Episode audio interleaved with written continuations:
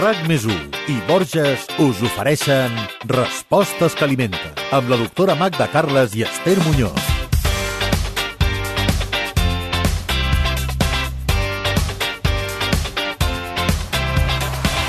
És la beguda per excel·lència de l'estiu, tot i que n'hi ha durant tot l'any. Forma part de la gastronomia estiuenca des de sempre. Sabem que és dolça, que té xufa. Ara bé, què aporta realment aquesta deliciosa beguda? És saludable? Què hauríem de tenir en compte si la fem a casa? En aquest podcast donem tota la informació perquè gaudiu de l'orxata d'una altra manera. Aquestes i altres preguntes són les que respondrem ara mateix en aquest 68è podcast de Respostes que alimenten. Magda Carles, bona tarda. Bona tarda. Avui hauríem d'haver fet el podcast amb unes orxates aquí a l'estudi de rac És que ja estan faltant, Esther, ja estan faltant. Saps què farem? Quan acabi el podcast d'avui, anirem a fer una orxata. Clar, perquè... És, és el que hem de fer. És que ens ho mereixerem. És el que toca, i a més a més, en les dates en les quals ens trobem, no? Clar, que, que millor que una orxata, fa calor. Per què, per què deu ser la, la beguda de l'estiu, una de les begudes de l'estiu?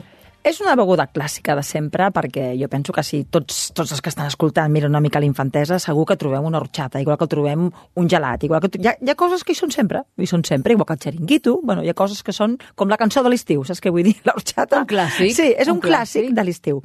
A veure, perquè és refrescant, perquè hidrata, perquè agrada a quasi tothom, té un preu assequible, ah, no, té moltes virtuts l'orxata, però jo diria que la seva principal virtut és la permanència entre nosaltres d'ençà molts anys. I escolta'm, que és nutritiva també, no? També, també, el que passa que jo crec que quan ens ho prenem això, quan som petits i no hi pensem massa en el valor nutritiu, més allà pensem que ens encanta i que ens hidrata, no? I que quina set que tinc, no? El sabor, el sí, sabor exacte, també. exacte. Perquè ben bé, què és l'orxata? És una barreja, és una beguda que és una barreja d'aigua, puré de xufa i sucre. S'hi pot afegir canyella, s'hi pot afegir pell de llimona, depèn de qui la faci, no? Però, de fet, és una beguda vegetal. Ara que estan tan de moda aquestes begudes vegetals, doncs és una beguda vegetal. Podríem dir que és una llet de xufa. Saps que hi ha llet de cibada, llet d'arròs, llet d'ametlla? Doncs és una llet de xufa. I la xufa? És un tubercle. No és un fruit sec, eh? que a vegades ho confonem amb una ametlla. No, és un tubercle, o sigui, estaria prop de lo que és com una, una patata, és un tubercle també, per exemple. Per tant, doncs, està sota terra, és petitet, té un aspecte com arrugat i no és fàcil trobar-lo en el mercat. De fet, si vas al mercat i demanes xufes, no és tan Costa, senzill. Costa, costa, de trobar. costa, no costa. costa trobar horxata, però sí que costa trobar xufes. Uh -huh. Per tant, eh, ara que després en parlarem de, de fer-la a casa, eh, mirarem com ho hem de fer per trobar aquesta xufa i, i poder Sí. elaborar orxata a casa nostra. A veure, de fet, n'hi ha d'haver-hi al mercat, però vull dir, no és com si demanessis préssecs a l'estiu, eh? Vull dir, la xufa no és fàcil de trobar. Potser hi ha poca producció. Aquí sí, a València molt més, que és el lloc que l'ha popularitzada i és el lloc originari que nosaltres sapiguem, no? L'orxata és valenciana, de tota la vida, com la paella. Jo crec que els valencians tenen dos patrimonis de la humanitat, que és l'orxata i la paella. Totalment d'acord, sí, No? sí. Jo estiuejo de fa molts anys al País Valencià i allà la- l'orxata. És que és la beguda, la número És la beguda, és la beguda. Durant tot l'any. I a fan amb a allò, amb aquells fartons, no? Aquella cosa tan Sí, lleugera que tenen, que és... Sí, sí, oh, boníssim, eh? Boníssim. Sí, sí, A fas una horxata amb fartons i ja no cal que dinis directament. I l'endemà eh? encara te'n recordes, Sí, sí, sí, sí. sí. sí. I escolta'm, eh, història de, de l'horxata, on la ubicaríem, no? Els orígens, qui la va A inventar? veure, els orígens com a horxata és difícil de dir, però es veu que els egipcis ja han trobat com llavors de xufes a les tombes, aquestes coses que passen, no? Vull dir, i curiosament n'hi ha a la Mediterrània i n'hi ha a Àfrica. Vull dir que no és una cosa que trobis a per tot, Mediterrània i Àfrica, amb alguns països africans, i molt antic, probablement. Clar, el que no sabem és si la horxata originària era igual que la, que la nostra. Es diu que ja a l'antiguitat hi havia begudes de cibada, per exemple, de cereals, ja es feia, però que a partir de la que es va popularitzar la xufa va haver-hi l'horxata. De fet, a Sud-amèrica, arrel de la conquesta espanyola, també es fan horxates. Es fa horxata d'arròs, horxata d'ametlla... Vull dir que això de treure el suc dels vegetals i dels cereals és força antic. Parlàvem dels ingredients eh, i ens parlaves en concret de la xufa, no? És cert, que, com hem sentit a dir, Magda, que la xufa és un superaliment? Bueno, tu, Esther, ja saps què penso jo del concepte superaliment. Però com No t'agrada, no t'agrada. Mm, Bueno, més que res que és fals, ja està, fals directament. Però sí que és veritat que hi ha aliments que són més nutritius que altres. Òbviament, no és el mateix l'aliment d'un xampinyó que d'una pastanaga, val? I sempre ja saps que jo sóc una fan de la pastanaga com a superaliment. És el concepte que no m'agrada, perquè és totalment populista, diguem-ho així. Ara, la xufa quines propietats nutricionals té? Bueno, en té, en té perquè té potasi, té magnesi, té calci, en petites dosis. Eh? Vull dir, és, és un aliment que pot ser interessant com a picoteig, en fi, com una cosa que tenim al, al, al rebost quasi, quasi exòtica, no? Clar, quan parlem ja de l'orxata, com que això està diluït amb aigua, tots aquests minerals i aquestes petites dosis de vitamines queden molt diluïdes. Per tant, és molt nutritiva l'orxata? Home, molt nutritiva. Té els seus nutrients, però no és que diguéssim, un pla- no és un vas de vitamines, però és nutritiva. Està bé, alimenta, no és aigua amb colorants i sucre. No, és aigua amb minerals, una mica de vitamines i sucre. O sigui que sí que té els seus nutrients. En la xufa que abans es deies que és un tubercle, no Sí. és un fruit sec. No, no és un fruit sec, no és un fruit sec, és un tubercle. Per tant, aquí hi ha una mena de confusió. Sí, perquè quan veiem una cosa d'aspecte sec, tot li diem fruit sec, no? Però, clar, un fruit sec és un fruit que ja originàriament té molt poca aigua com a definició, no? I té un tant per cent de greix elevat. La xufla no seria exactament això com a composició. El que passa que d'aspecte, si mirem una xufla amb, amb, amb l'aspecte originari, és arrugat, és petit, no? Per això s'ha de posar amb remull, s'ha de deixar que es quedi una mica més tou, perquè si te'l menges tal qual, és realment dur de menjar. És una cosa dura, saps? Costa, costa. Costa de menjar, sí, sí. Ens has citat els nutrients que té la orxata, no? D'aquests, quins diries tu que són els més interessants? Jo trobo que és interessant el potasi el potasi. El potasi perquè en, en una societat com la nostra, doncs que prenem sodi, que ja sabem que és l'element conflictiu de la sal, i en prenem doncs, el doble del que caldria, doncs begudes, i els vegetals en porten de potasi. Que portin potasi és interessant, és interessant ja de per se. Eh? I a més a més, a l'estiu, que sues, que perds minerals, doncs també. Però també té petites dosis de magnesi, de calci, petitíssimes dosis de proteïnes vegetals, els greixos que porta són molt beneficiosos, però repeteixo, això s'ha de dir és en petites quantitats. Mínimes. Mínimes, esclar, perquè, repeteixo, amb una orxata, quantes xufes hi han? Doncs poquetes, perquè tu això ho dilueixes amb aigua. O sigui, l'orxata no és un puré de xufes, no és un puré, com qui fa un puré de pastanagues, no. Mm. És les xufes diluïdes amb aigua, d'acord? Perquè és que si no seria molt espès. Per tant, el que més té és aigua. És aigua, més, dubte. més d'un 80%. L'orxata, al igual que la majoria de begudes, eh, el que més té és aigua, per això ens hidrata. Eh? Té aigua, té una part de xufes i té una part de sucre. Que aquesta part de sucre pot ser més i de menys, depèn de qui la faci. Uh -huh. Normalment, eh, què acostuma a tenir, no? Un, Veure. Una orxata de les que prenem a qualsevol establiment, no? Si parlem de 100 centímetres cúbics, no? que és la unitat de mesura, doncs, mm, diguéssim, cada, cada 100 centímetres cúbics de 10 a 15 grams de sucre té. Està bé, de- això? Home, Aquesta- és com una beguda refrescant, clar. Clar, pensa que quan bevem no bevem només 100 centímetres, perquè tu no et veus un vaset d'orxata, tu te'n veus un vas, no? Aleshores, 20 o 30 gramets de, de, de sucre te'ls prens, eh? Te'ls prens. Ara, tot això està diluït amb aigua, vull dir, no passa res. I quan la comprem al supermercat, Sí. eh, el sucre encara és més alt? Clar, aquí està la gràcia de mirar la composició. Quan tu vulguis una orxata, que n'hi ha de tots tipus, eh? N'hi ha que són biològiques, n'hi ha que són amb edulcorants sintètics, n'hi ha que... A veure, has de mirar la dosi de sucre. Si té més cap a 10 que cap a 15, millor, millor. Però repeteixo, és una beguda que tampoc és per beure tot el dia. És una beguda caprici, l'orxata. I em sembla fenomenal, vull dir, és que si anem a mirar tot, què són els gelats, no? Què són els batuts, què són... Tot té la seva dosi de sucre. Ara, si la fem a casa, aquí sí que podem fer de més i de menys. Però desenganyem-nos, una dosi de sucre hi serà sempre, perquè si no quedaria un gust com quasi amargant, Clar. saps? Quedaria estrany. Tu deies, Magda, ara no la bevem cada dia, No, no?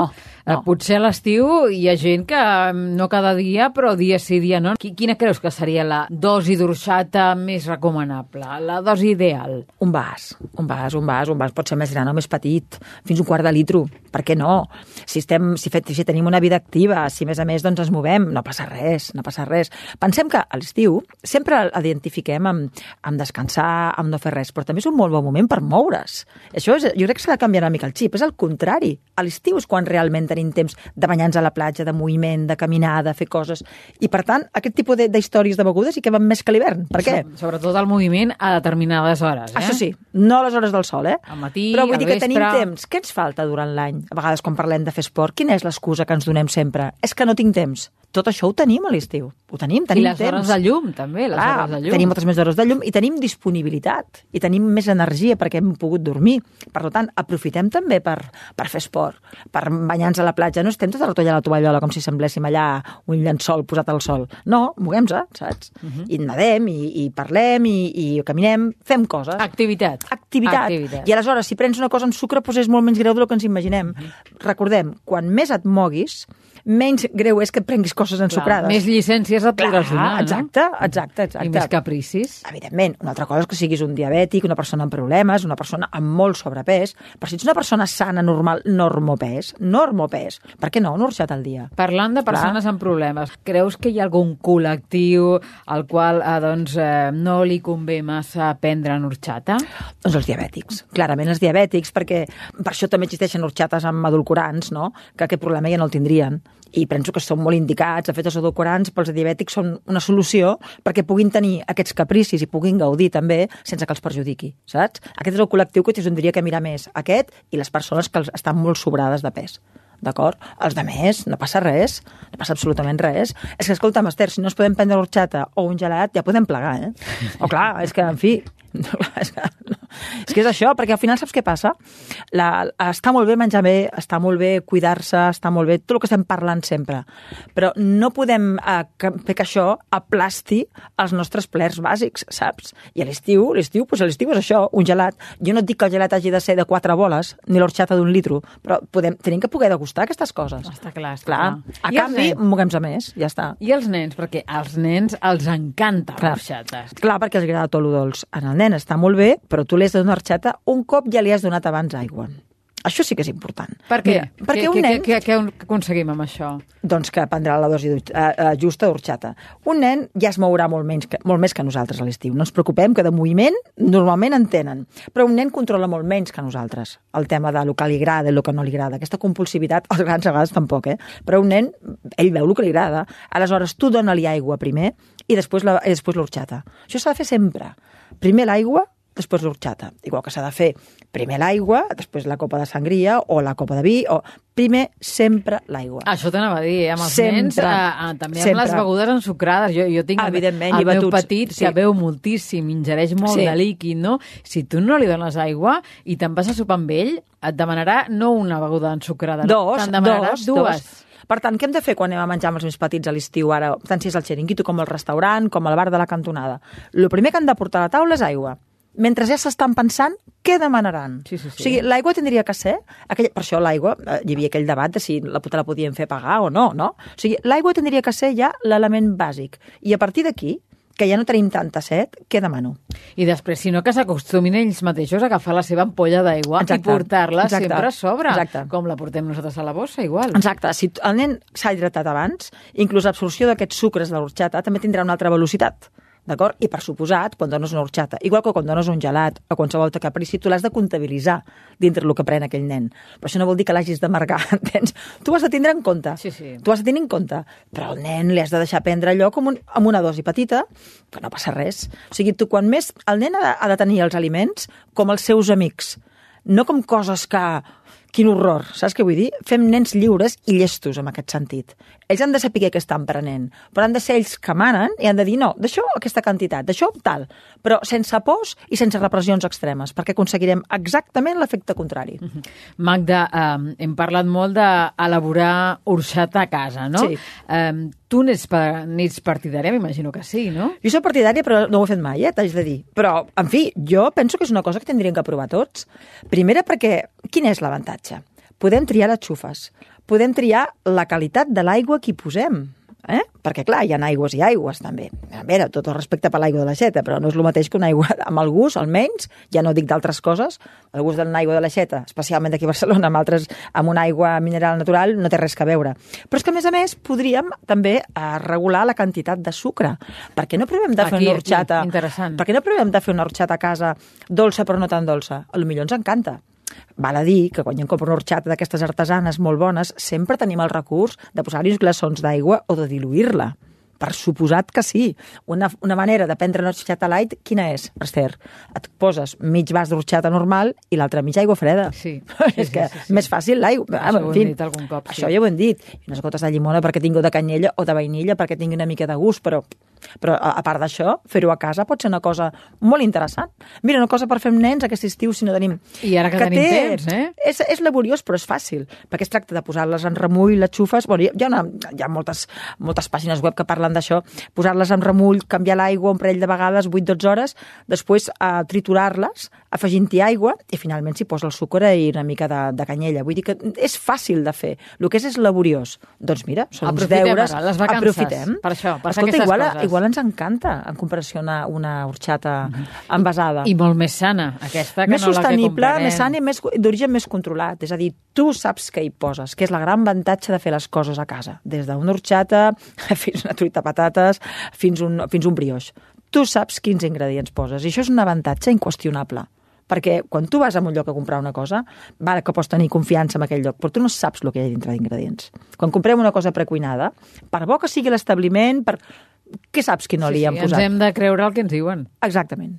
Exactament. Per tant, jo, mm, la veritat, fer les coses a casa, ara que tenim temps, coses de capritxo, si tu vols, té moltíssimes avantatges. I una horxata pot ser una d'elles. Hem parlat molt del paper refrescant de la horxata com a beguda, no? Sí. Alguna altra utilitat que tu creguis que és destacable? Jo crec que moltes, perquè, mira, ara et diré suggeriments que es poden anar bé. Uh, per exemple, fem una macedònia a l'estiu, no? allò que fas mm, diverses fruites que tens, que si meló... Tu has provat mai de posar-la, en vez de posar-hi suc de llimona, que és el clàssic, no? I poses horxata? Queda boníssim. O fes unes maduixes amb horxata superbo. Uh -huh. O en, aquell, um, en un brioix d'aquests cobres, o sigui, un brioix, li poses unes gotes d'orxata. Com que és dolç, combina amb moltes coses. I aquí encara et diré lo prova orxata amb cafè, perquè oh. fi al cap és llet Sí, de xufa. I tant, sí, sí. Que potser no ens fem llet de soja o llet de cibada o llet de no sé què. Per què no provem un tallat, com a experiment, eh? Orxata amb cafè.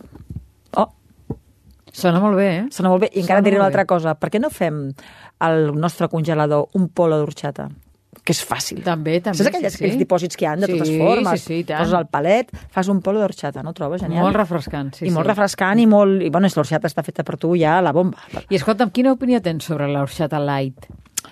Pot tenir la seva utilitat. Doncs mira, han posat edulcorants i per aquestes persones, si és light, si és light, perquè hi han posat edulcorants eh, sintètics o, o naturals, és igual, però edulcorants que són menys energètics i, porten, i, i són menys, diguéssim, perjudicials pels diabètics, em sembla fenomenal. Tenen la seva utilitat, però sincerament, si són persones sa- sanes, a veure, tu poses aigua i, en fi, ja està, no?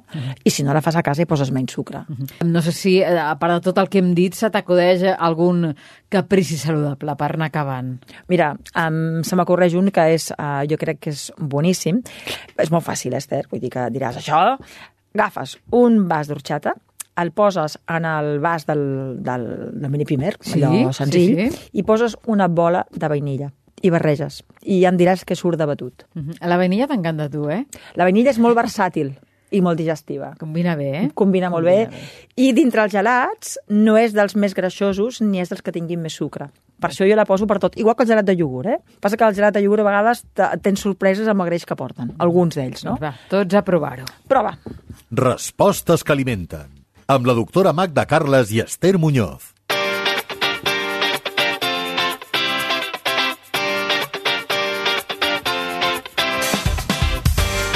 Som a l'estiu, som a l'agost i ha tocat parlar d'un producte estrella ara en aquestes dates, que és la horxata.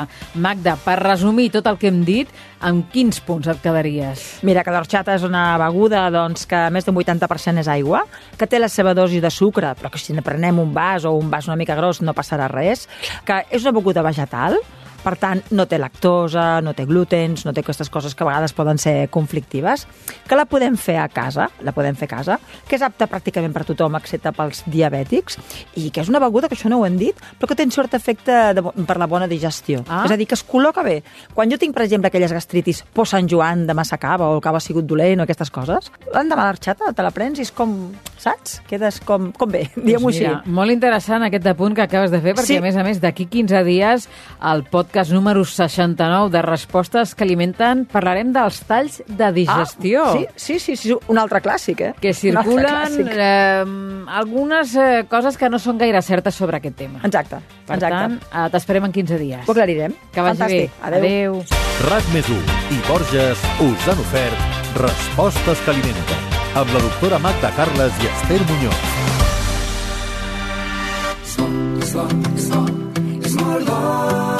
Cuidar-se és el més important. A Borges sempre et portem els productes més naturals perquè cuidem la terra que ens els ofereix i els elaborem de la manera més sostenible possible, com la nova ampolla d'oli feta en plàstic reciclat. Borges. Que bo que és